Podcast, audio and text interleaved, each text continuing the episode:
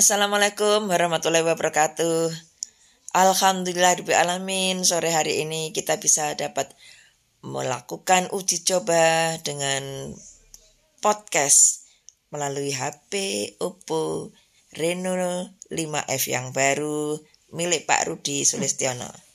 Sampai jumpa di waktu yang lain.